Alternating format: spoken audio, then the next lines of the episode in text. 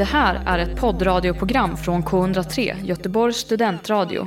Du hittar oss på k103.se. Av upphovsrättsliga skäl är musiken förkortad.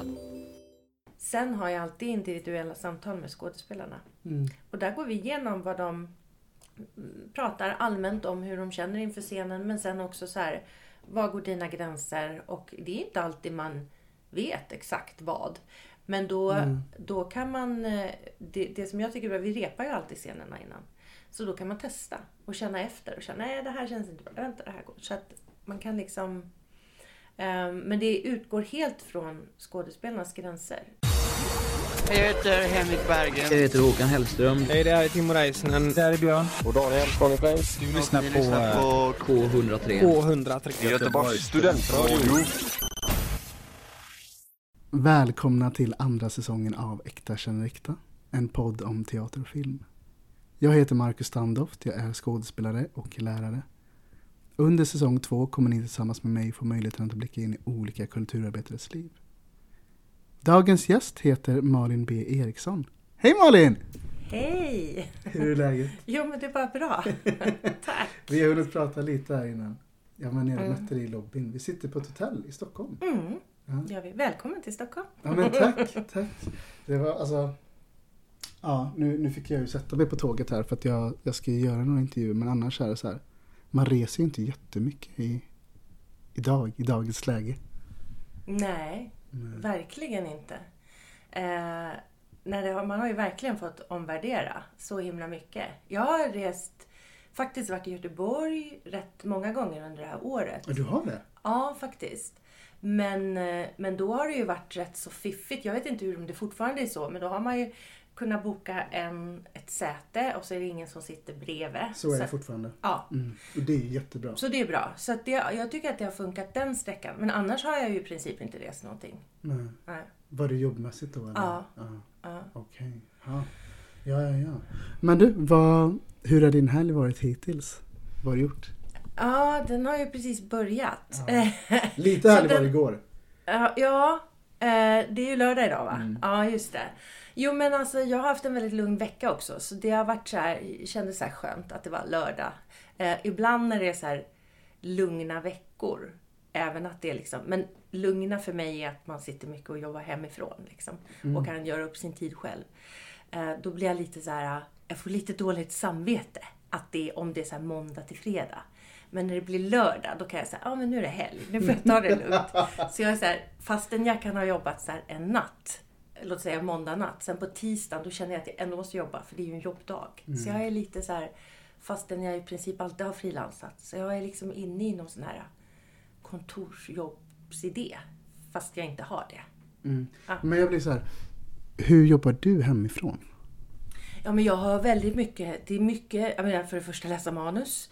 Eh, och sen gör jag Ah, just mycket liksom, eh, alltså jag gör ju nedbrytningar av manus och riskbedömningar, mycket möten. Alla de sker ju nu i princip. Nu börjar det öppna upp lite mer fysiska möten men annars har det ju varit eh, Zoom. Eh, så det är och mycket förberedelse och jag skriver olika så här dokument som ska skrivas. Alltså det är väldigt mycket sån här administration Ja. också. Eh, och sen uppföljningar, mycket telefonsamtal. Jag har ju alltid möten med skådespelare, med produktionen, regissör och sådär. Sen jobbar jag ju mycket också med kunskapsbildning för att sprida kunskap inom det här området.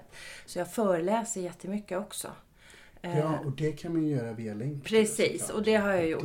och, och annars tidigare så höll jag också workshop innan pandemin. Men det har jag sagt helt nej till nu och det är väl ingen som vill ha det heller kanske. Eh, eftersom de är liksom av sin natur att man behöver vara nära varandra. Mm. Eh, men, eh, men jag har gjort jättemycket föreläsningar, alltså hela, hela året via Zoom. Ja, Och webbinar och sådär. Men det, jag har liksom inte gjort direkt några öppna utan det har varit så beställningsjobb från scenskolor och eh, eh, produktionsbolag och sådär. Vi ska köra tio snabba. Mm. Okej. Jag hörde ju, jag lyssnade ju på Alexander Abdallah när han gjorde det här. Och då hörde jag att han tog rätt lång tid på sig på de där snabba. Så då känner jag då kanske jag också det kan också. göra det om jag inte kan svara snabbt. Vi får se. Vi kastar oss ut tänker jag. K103. Fullständigt namn. Malin, Elisabeth, Maria, Blomgren, Eriksson. Ja, Blomgren. Du har två efternamn. Mm. Jag tänkte så här, vart, kom, vart kommer B till? Mm, Tänkte då ska jag förklara det. Ja, Om, om om man du får vill. göra det på en kort, på en kort fråga. Du får göra som vill. Eh, jo, nej men så här är det. Jag har bott utomlands i över 20 år. Mm. Så jag heter Blomgren eh, när jag eh, föddes. Så föddes jag in i Blomgren. Eh, och sen gifte jag mig. Och då kom Eriksson. Och jag ville inte... Eh, jag, vill, jag ville behålla mitt eget namn också. Du vill Men- inte ta bort något? Nej, jag ville inte ta bort. Jag tyckte det kändes så här onödigt. Varför ska jag byta? Men, men jag vill ändå lägga till det där. Och sen har jag bott utomlands i så många år. Och i början så hette jag, det heter jag egentligen fortfarande, men jag kallar mig Malin Blomgren Eriksson. Och det höll jag på med kanske under tio års tid. Men du kan tänka dig när folk på engelska, Malin Blomgren Eriksson. Och det blir så här, Eriksson, lätt att säga. Ja. Malin, svårt. Det blir så här, Molly, Marlin, Ja. svårt. Och så dessutom Blomgren. Mm. Och så säger man så här Blomgren Eriksson. Så då kom jag på det att men jag tar bara bort det där. Liksom. Så, men jag, jag kunde liksom inte heta Malin Eriksson. Och jag har fortfarande när folk skriver det och kallar mig det så har jag jättesvårt. Så att jag, det där B måste vara där. Så därför finns det där B där. Men varför känns det så svårt? Nej, jag vet inte. Jag tycker så här, men jag är ju Blomgren och vi har ju alltid varit Blomgren Mm. liksom. Sen råkade jag gifta mig med en man som hette Eriksson. Men jag behöver ju inte ta bort mitt eget så Absolut lite. inte. Ja. Jag tycker det låter catchigt. Det låter som ett artistnamn. Men- Malin B Eriksson. Ja, men jag, det tycker jag är lite pinsamt. För att det Nej, säger det? folk ofta så här, ah, Malin B. Eriksson. Att det låter... jag tycker det känns så här, som att jag försöker vara snobbig på något Jaha, vis. nej gud. Jag tycker du ska vara stolt över det. Ja, Okej. Ehm, ålder. Eh, 52. Mm. Mm. Hur känns det att vara 52? Eh, jag var tvungen att tänka om jag hade fyllt 53, men det har jag inte. Men jag Nej. fyller 53 år.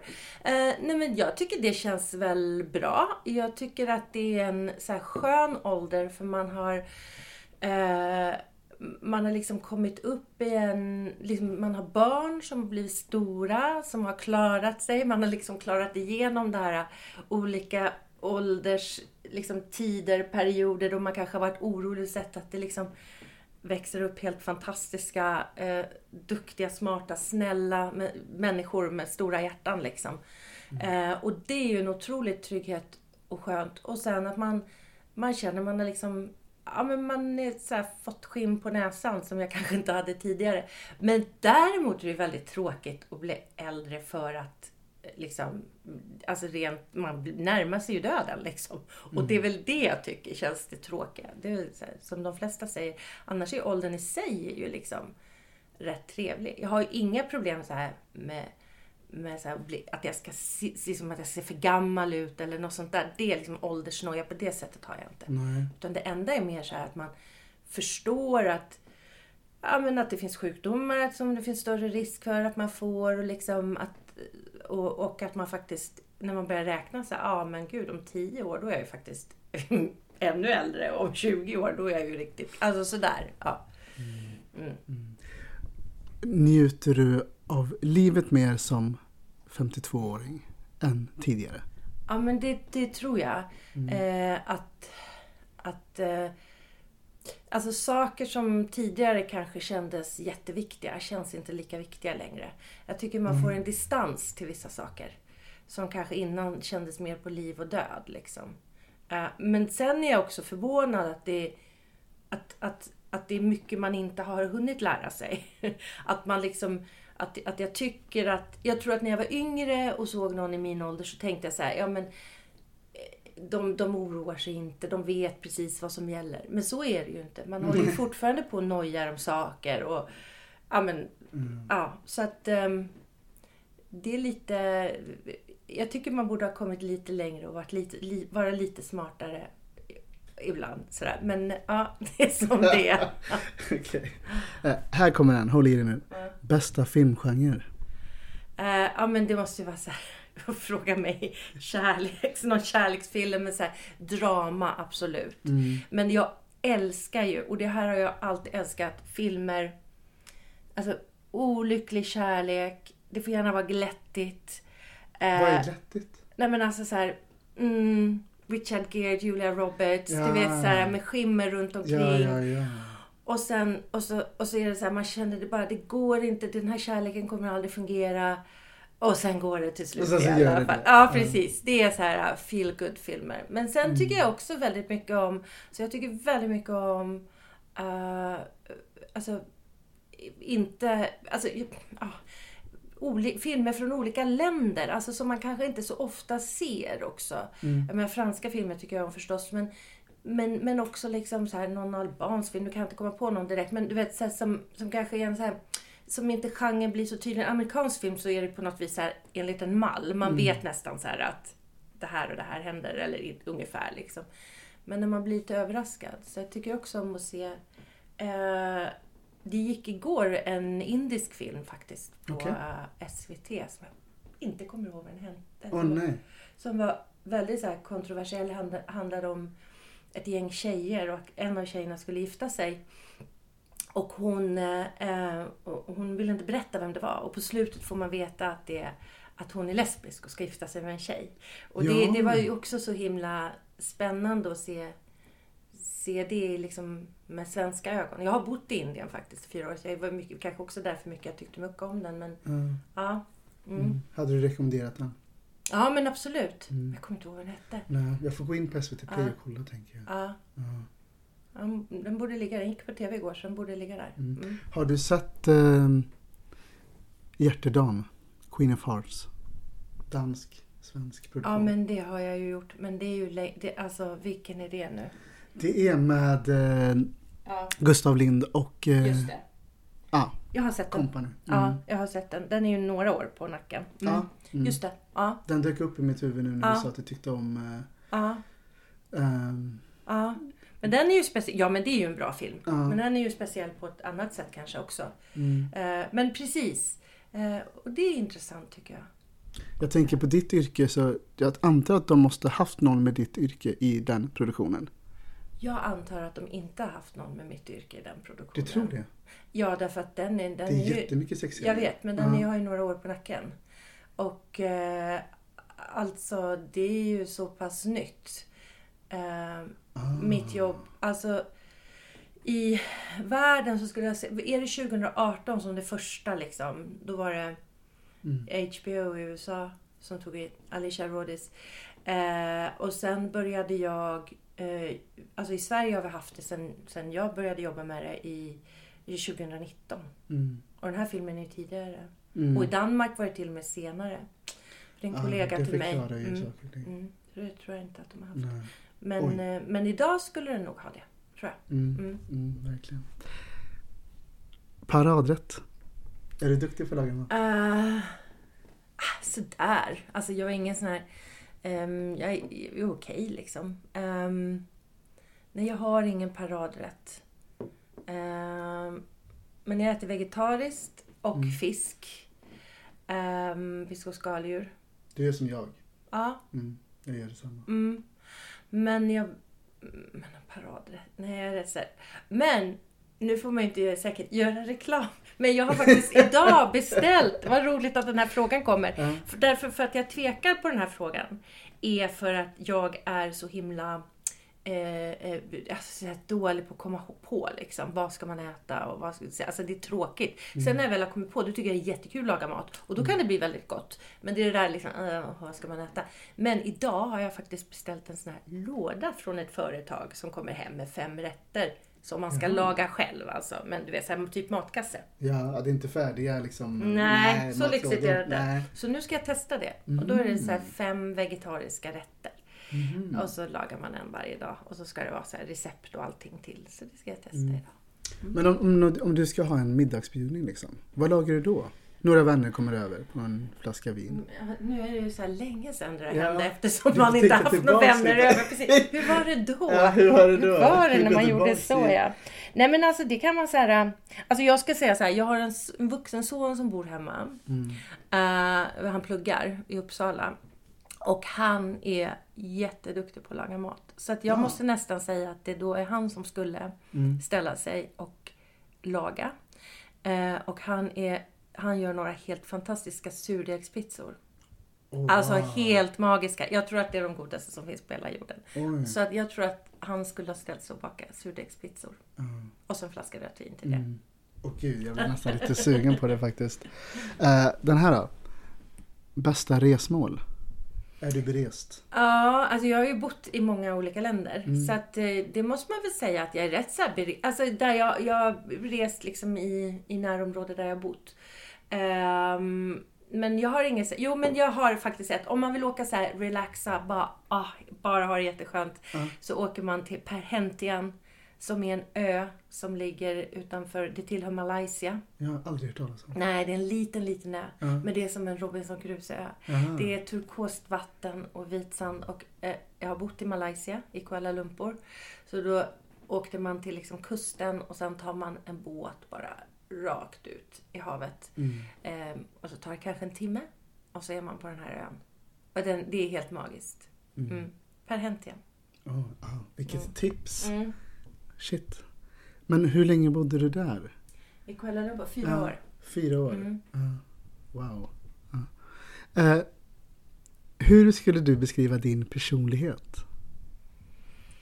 Eh, Jag har ju bytt ut några här som du märker kanske. ja, det är ju jättesvårt. Och, Mm. och sin egen personlighet. Jag tänker så här, jag ska regissera dig lite. Mm. Inte utifrån vad alla andra Nej. säger eller tycker. Om du tar dig själv, du zoomar ut och så ser du dig själv uppifrån. Vad skulle du få syn på då tror du? Med handen på hjärtat. Jag tror så här. Eh, nu är jag jätteärlig. Mm. En väldigt självsäker person Mm. med dålig självkänsla. Mm. Mm. Men, ja. Jag blir alltid så förvirrad när man pratar om eh, självsäkerhet kontra självkänsla. Men hur går det ihop? Jag tror, utan att vara någon psykolog och Ja. riktigt förstå, så tänker jag att självkänslan, eller självsäkerheten, alltså att vara självsäker handlar i att jag vet, jag vet vad jag kan, Mm. jag vet vad jag inte kan och jag vet vad jag behöver liksom... Ja, men det, det, det jag vet att jag kan, det kan jag och det känner jag mig säker på. Mm. Eh, och om det är så här att ett område jag inte kan, då kan jag säga det att oj vänta det här är nytt för mig, jag måste lära mig, jag måste ta reda på det. Att jag har inga problem med det.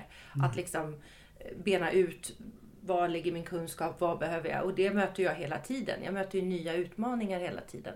Och det har jag inga som helst problem med. Självkänslan ligger på ett mycket djupare plan. Där man inte känner sig kanske ehm, tillräckligt bra. Fast man ändå vet att det här kan jag. Alltså att man hela tiden liksom... eh, Jag vet inte. Att man, lite eller?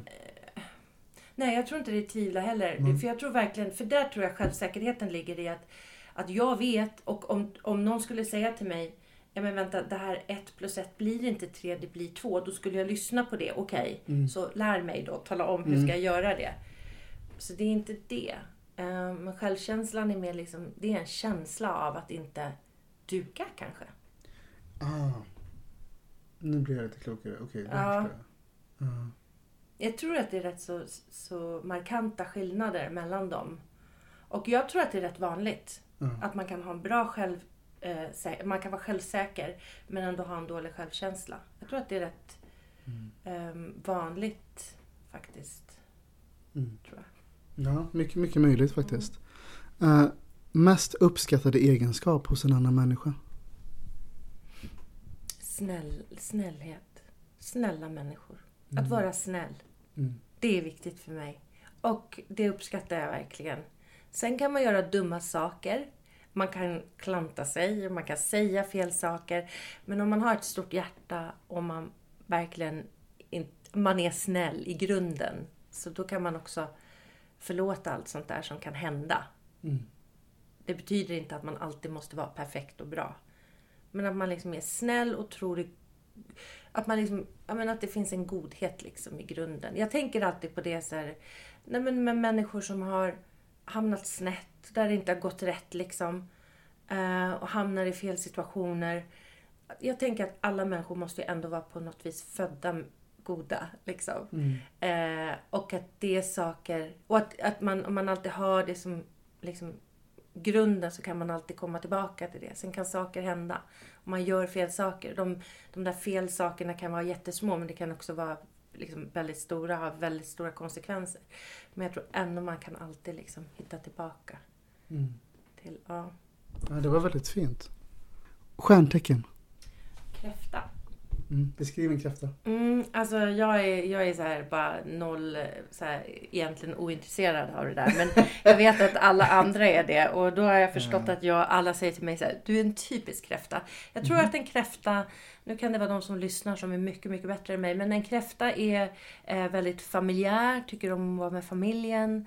Ehm, ja, det är väl det jag vet ungefär.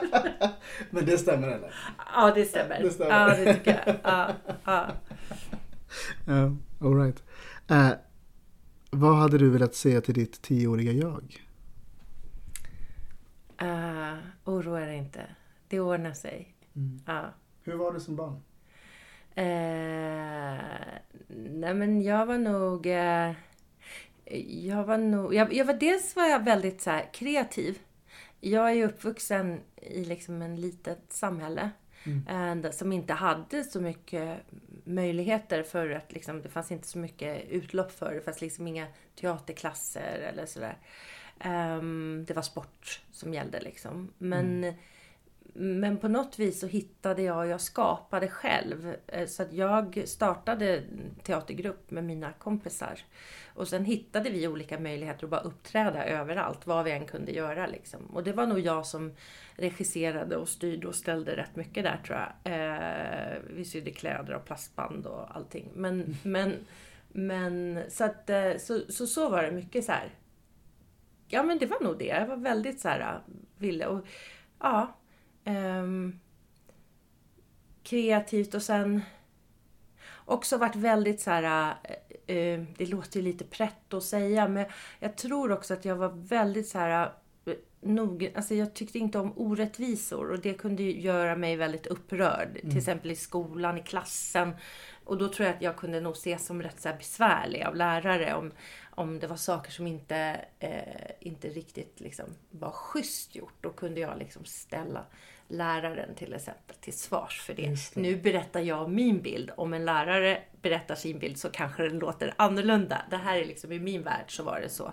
Eh, och det var väl inga så jätteproblem. Jag tror att jag var rätt så här ordentlig i skolan liksom. Men, men det var ändå så här, att jag, vet, jag kommer ihåg det att det var Ja men att, man, att, att jag gärna ville liksom säga ifrån om det var saker som inte riktigt kändes okej. liksom.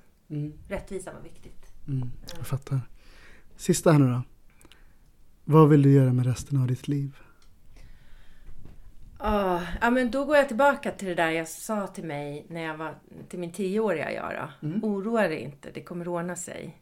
Jag tror att det är det jag skulle vilja bara. Sen vad jag gör i... Jag har ingen sån här bucket list. Jag är skittråkig på det. Men jag har liksom inget så här att det här måste jag göra, det här måste jag göra. Jag tror att, att för mig handlar det om att så här, sluta oroa dig för saker. Det kommer ordna sig.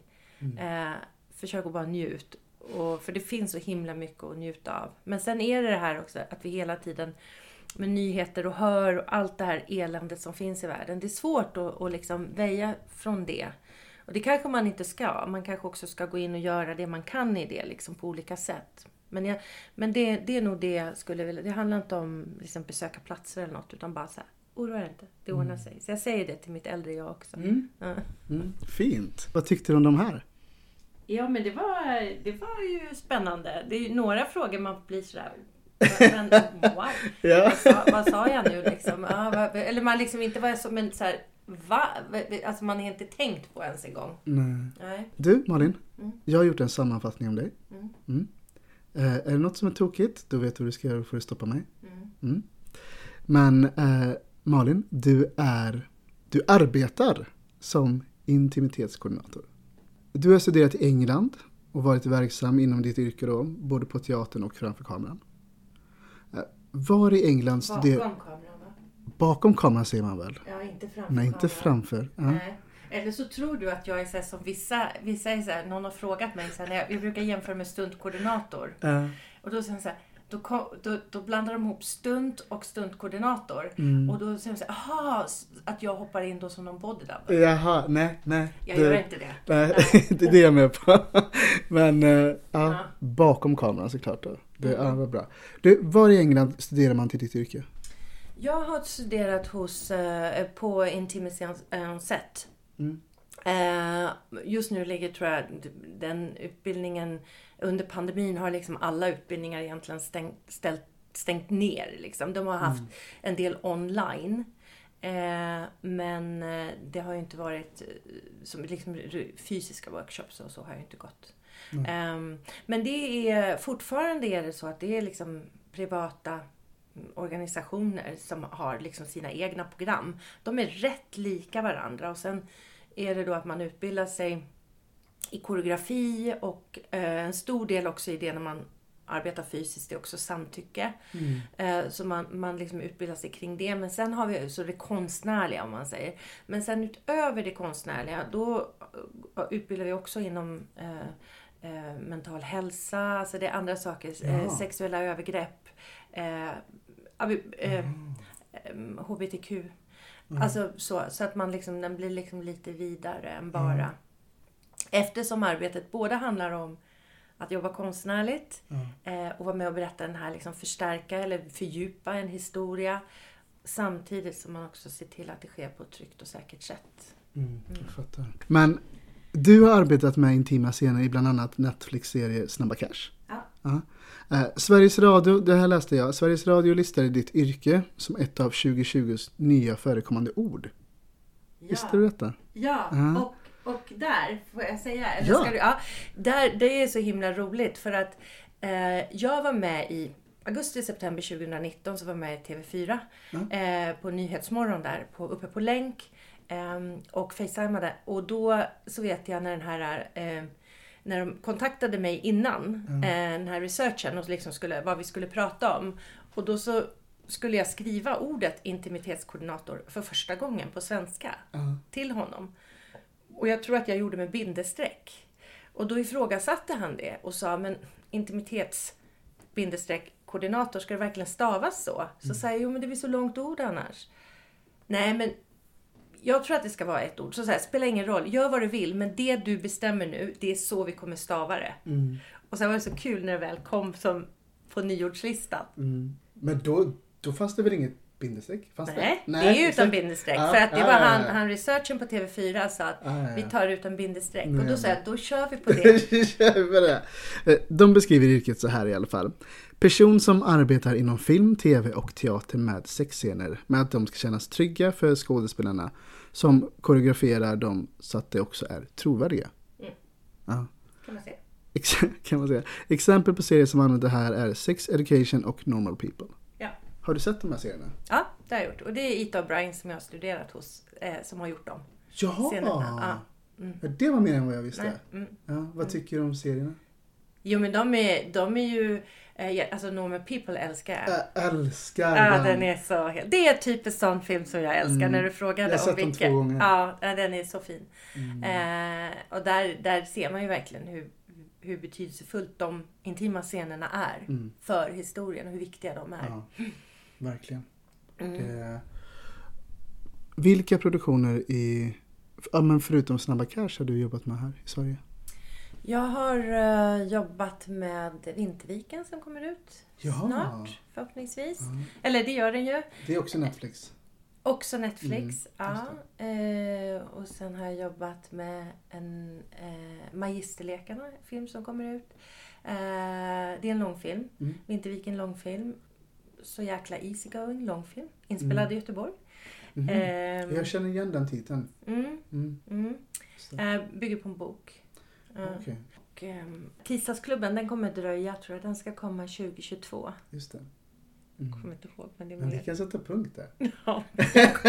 Riksteatern vet jag att du har jobbat på. Ja, Mm, jag vet. Riksteatern har jag jobbat på Mm. och Uppsala stadsteater. just det. Eh, och sen jobbar jag nu med eh, två produktioner. Mm. Ehm, ja, Du får inte säga vilka eller? nej, eh, nej, båda de två är rätt så hemliga. Mm. Mm, men det är, båda är tv-serier. Ja, okej. Den ena är HBO. Eh, och den andra är mer lokal här. Mm. aha. Men den med HBO, är det en svensk produktion? Mm. Mhm. Mm. Ja, ja, ja. Okej. Du, vi ska gå vidare här. Mm. Uppväxt, var är du uppvuxen någonstans? Du nämnde en småstad innan, men vilken? Ja, jag sa ett litet samhälle. Så var det. Eh, Samhället, ja. Utanför en småstad. I Ösmo, utanför Nynäshamn. Mm. Ösmo. Mm, Ösmo ligger i Nynäshamns kommun. Jaha. Ja. Om man börjar i Stockholm så vet man vad Nynäshamn är för att Mm. där, pendeltåget går ner där. Och sen kan man ta en båt över till Gotland om man ska det. Åker man från Nynäshamn. Ehm, och det är en liten stad. Men sen finns det ett samhälle som heter Ösmo. Som var när jag växte upp där på 70-talet. Eh, det var ju helt nytt. Det hade ju varit bara landet. Så det är väldigt annorlunda idag mot Mm. vad det var då.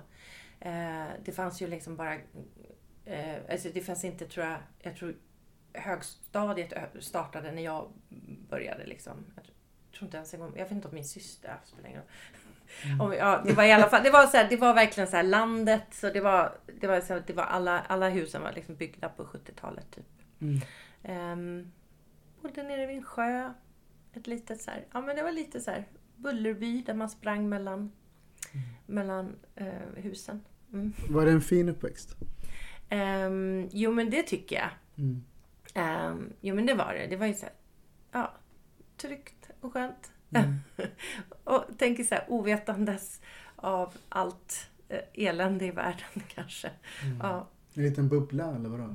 Ehm, nej, egentligen inte. Därför att egent, det tror jag egentligen, det är lite fel. Jag tror att jag försöker så här, eh, göra någon så här idyll av någonting Ja. som kanske inte var. För att min familj har alltid varit så här, eh, men vi har varit så här rätt så här samhällsintresserade tror jag sen jag var liten. Det har liksom alltid varit så här mycket diskussioner kring det. Och jag har liksom politiker i släkten och liksom sådär. Så det har alltid Okej. varit mycket, så att jag har, nog, jag har nog hört rätt mycket tror jag, vad som Mm. händer. Ja. Mm. Eh, Så det var nog ingen bubbla. Nej. Nej, nej, jag förstår. Du lyssnar just nu på en radiostation som är del av SRS, studentradion i Sverige. Hur hittar du teater och film? Ditt intresse där? Jo men det var, eh, det, alltså det var ju framförallt, eh, jo men jag kan berätta min, en upplevelse. Jag tittade Ja. på, eh, mina föräldrar de tog mig ofta på teater. Och det var ju inte alltid barnteater utan det var ju många gånger vuxenteater liksom. Det var så lite på 70-talet att man gick och såg och det var så här ja, tält, tältteater av olika slag och sådär.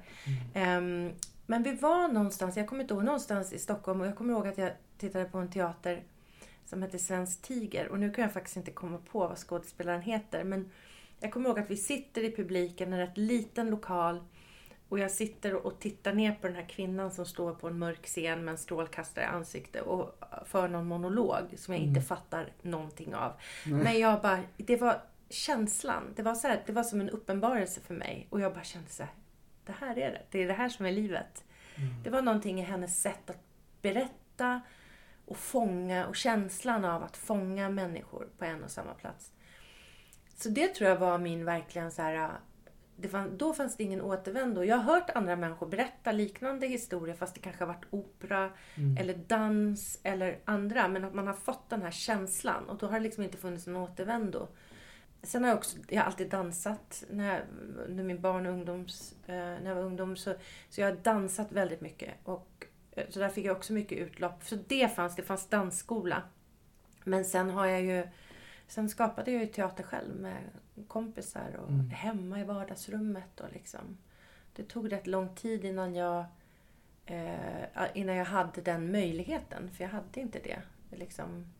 Jag hade faktiskt min, jag har faktiskt cirkusartister i släkten, men min släkt är Jaha. från Skåne. Så de, de var där och turnerade i Europa och så. Så jag vet att jag fick se dem på TV, liksom, när, för då visade Oh, man wow. ofta cirkus. Så då var det så här, ja, det var min pappas kusiner och sådär. Men, eh, men jag hade inte själv access till det. Liksom. Men jag har hela tiden dragits och hittat på själv. Ehm, så att det var framförallt teater och sen tror jag att jag, jag trodde att det var att jag ville vara skådespelare eller jag ville bli skådespelare. Så jag började med det.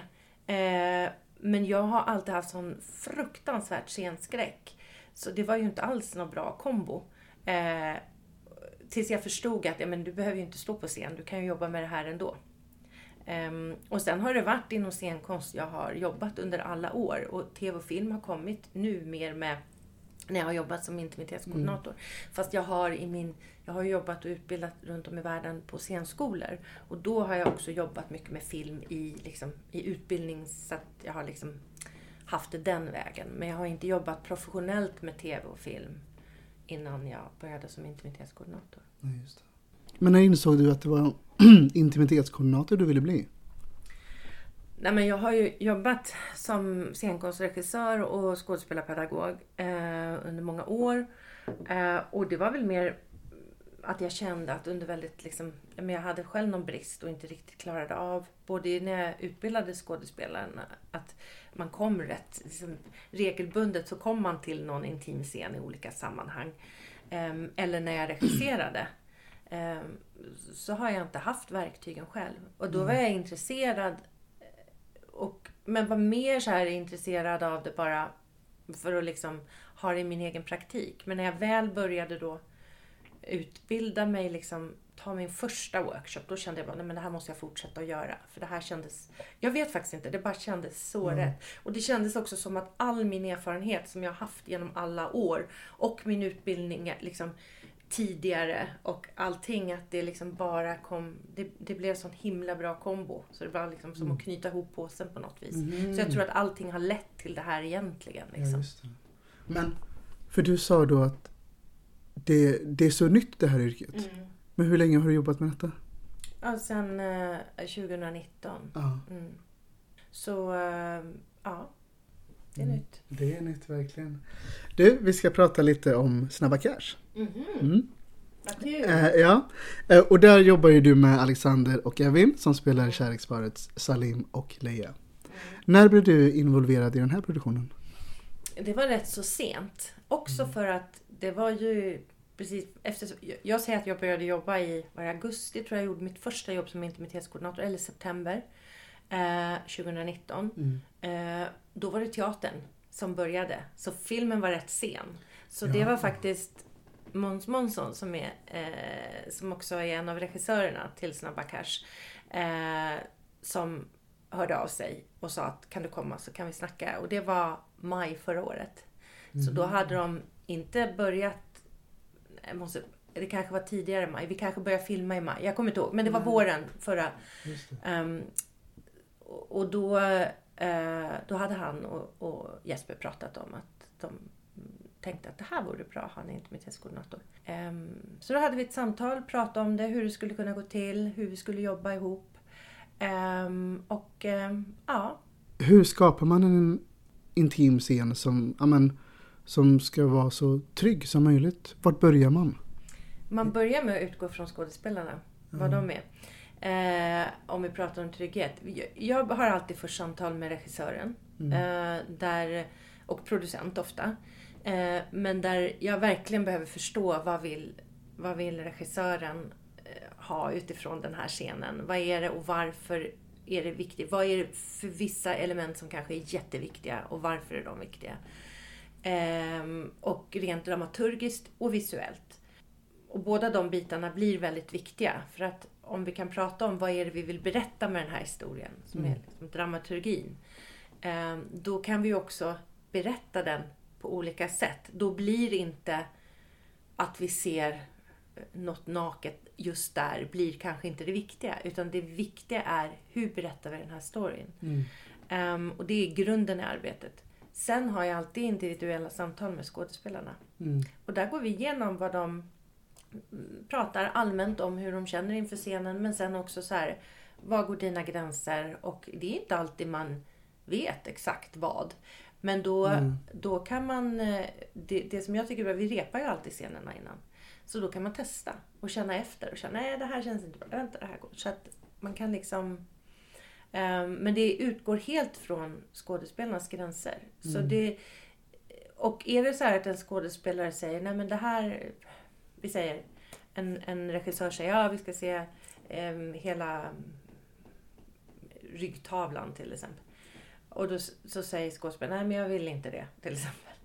Då, då är det så här, ja men vad är det vi ska berätta? Vi återgår bara till det. Vad är det vi ska berätta? Är ryggen viktig? Ja, den är jätteviktig för det finns ett R där som vi måste se. Till exempel. Ja, men hur kan vi göra då för att täcka upp, för att bara visa det här? Så att vi, ja, det är lite enkelt förklarat så. Men, mm. Men för jag tänker också så här. Skådespelarnas gränser kan väl också alltså, ändras och förändras beroende på inspelningsdag och eller så, hur, hur går man tillväga till då? Nej men vi har alltid, alltså fram till vi har filmat Ja. så kan man alltid ändra sig. Mm. Eh, så att vi har, dels så har vi ju, repar vi i förväg. Mm. Ehm, och då, och, och, och, och då, då sätter vi ju en koreografi. Så att den är liksom väldigt koreografisk. Mm. Som en dans. Eh, och sen när den är, är koreograferad, då är det den vi har att förhålla oss till. När vi sen träffas på inspelningsdag, då har jag också alltid separat tid med skådespelarna. Så det är inte som en vanlig dag när du går direkt på set. Utan du har, du har, och det är inte jättemycket tid man behöver egentligen. Så det går, allting går väldigt smidigt och lätt måste jag säga. Om det är någon som lyssnar och tänker åh det här verkar krångligt. Men det är det inte. Men, men det är jätteviktigt att ha det för att dels så gör vi, gör vi eh, några övningar där man liksom känner efter igen vad som känns okej, vad man kan ta, vad man inte kan ta, vad är liksom no-go zones. Och sen så går vi igenom koreografin igen och känner och då kan det ju vara någonting som känner det här känns inte bra längre. Ja men okej, hur justerar vi det? Och så kan vi justera det. Ja men precis, så här, om man till exempel då har repat kanske med kläder och sen så kommer man att ta av sig kläderna. Mm. Då kanske det känns annorlunda. Men, men då kan man alltid ändra sig liksom eller? Ja, alltså det handlar ju om att man kan justera saker. Det är ju Justera, svårt så här att göra så här, ja men nu, alltså, det är klart man kan ju inte tvinga en skådespelare till någonting. Nej. Men om, om jag har gjort ett bra jobb, Mm. eh, då har vi inte kommit förhoppningsvis till den punkten där skådespelaren känner att eh, att det känns helt fel. Utan Mm. då har vi liksom redan gjort den processen innan. Så att när vi kommer fram då är man rätt förberedd. Mm. ehm, till på vad man ska göra. Så att eh, mitt jobb handlar ju om att de ska känna sig trygga hela vägen. Och vi, liksom, så ja, gör jag ett bra jobb så, så tror jag att, ja. Mm. Men alltså det är verkligen som en, det är verkligen som en dans. Men som när man gör till exempel fightscener, det är väl Ja. också som en dans? Ja, ja, ja.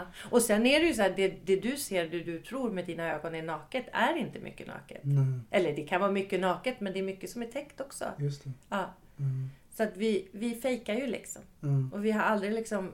mm, Jag jobbar ju koreografiskt med att, att man liksom använder muskler och tryckpunkter. Och det är rätt ansträngande för skådespelarna faktiskt. Så man måste, liksom, ja, eh, men, men vi använder ju liksom eh, muskler och håller emot och, och liksom så att ja. Mm. Mm. Fattar. Har du sett serien? Ja, Vad tyckte du? Ja men den är ju helt fantastisk. Mm. Jag, jag varit så himla... Gud, jag har messat med hela gänget där. Alltså jag tycker det är så här, och, och, och Jesper och även Måns, jag tycker att de har... Alltså de har fångat det så himla bra. Jag är så himla... Jag är jättestolt att ha fått vara med i den produktionen. Det var en fantastisk produktion att jobba med. Mm. Också väldigt liksom sådär, det var, det var så fint också tycker jag. Att man kände verkligen när man var på set att det var lugnt och det var liksom, det fanns en sån, det var, det kändes som att man skapade konst tillsammans. Gud vad härligt. Ja, Mm. ja, det var jättefint. Så att jag, är, jag är superstolt och jätteglad och ser bara fram Måns har jag faktiskt jobbat med eh, igen sen. Jo, Deg, tv-serie. Jaha! Så då, då har jag jobbat med Måns igen faktiskt. Ehm, eh, jättekul och jag eh, ser fram emot att få jobba med Jesper igen någon gång också. Mm. Spännande. Eh, framför dig så har du en burk. Mhm. Skaka den. Du ska få dra en lapp i den. Ah, ska jag skaka först? Så ska få dra en lapp där. Du ser, det är inte många kvar. Den var helt full innan. Oj, Mm. men nu ligger det tre och här är det Vad står det? Astrid Lindgren. Ah, Ah. vad, vad är det första du tänker på? Vi ska bara, vi ska bara snacka om detta. Nej men alltså Astrid Lindgren, jag bor nära Vasaparken så att hon eh, bodde ju med, eh, i en lägenhet med utsikt över Vasaparken. Så mycket av hennes böcker kan man ju känna att det är Karlsson på taket till exempel. Det rör sig ju helt i, Vasastan. Um, alltså, ja men jag blir bara varm i hjärtat när man tänker på Astrid Lindgren. Och så, Mm. och så fina, alltså jäkla vilka, vilka böcker.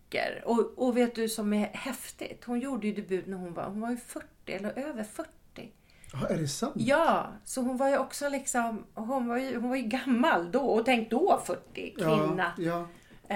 Eh, så hon har ju liksom en kvinna som hade också liksom fick barn tidigt, lämna Mm. bort sitt barn. Och, alltså jäkla vilken kämpe och det hon har gjort för så många barn och föräldrar tänker jag. Nej, jag blir bara varm i hjärtat. Mm. Men då kommer den, den viktigaste frågan här nu. Vilken är din favorit Astrid Lindgren-bok? Eller film? Ja, eh, alltså jo men då vet jag exakt. Mm. Eh, Emil, därför att när jag var liten, Mm. så vi pratade tidigare om min uppväxt och barndom. Jag trodde fram till jag var, jag kunde, ja men teater då, hur man liksom, att att jag sa att jag liksom, jag levde i någon fantasivärld. Så att jag hade kanske upp till jag var sex år eller något sånt där, så kunde jag bli Emil. Så att jag klev in liksom i hans roll och då trodde jag, jag var Emil. Och det var verkligen så här, in, inte att jag tänkte så här, nu leker jag att jag är Emil. Nej. Jag var Emil. det blev och då var det så här, min familj, mina föräldrar, de behandlade mig som att jag var Emil då. Så jag fick vara Emil. Så jag gick in i hans, Hade du en sån här värld. snick, snickerboa? Ja, men det vet inte om jag hade det. Jag hade kanske någon gammal så här gubbkeps eller något jag Ja. satte på mig. Eh, Jag vet inte, men, men det var så här. Eh, men jag kommer ihåg så här, för jag har ett jättestarkt minne av att vi fick besök av någon. Och då var jag Emil. Och jag tyckte det var så jobbigt att jag inte kunde liksom... det låter helt sjukt. Men jag kunde inte riktigt kliva ur den här karaktären. Nej, För jag inte. Nej, och då vet jag att jag liksom drog i mammas kjol eller något och bara så här.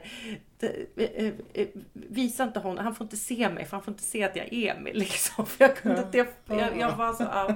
Så Emil. Men sen tycker jag ju om, jag tycker Ronja Rövardotter är fantastisk. Mm. Eh, jag kommer ihåg när jag var barn att jag älskade Madicken. Jag tror att det var så här, jag vet inte.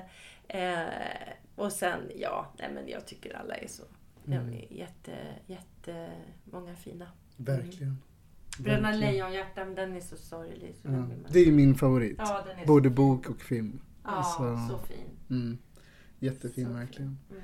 Du, jag har ställt jättemycket frågor till dig här nu. Mm. Här kommer en fråga som inte är ställd av mig. Mhm, Är du beredd? mhm. Mm. Vad gör dig harmonisk i livet? Vad gör mig harmonisk i livet?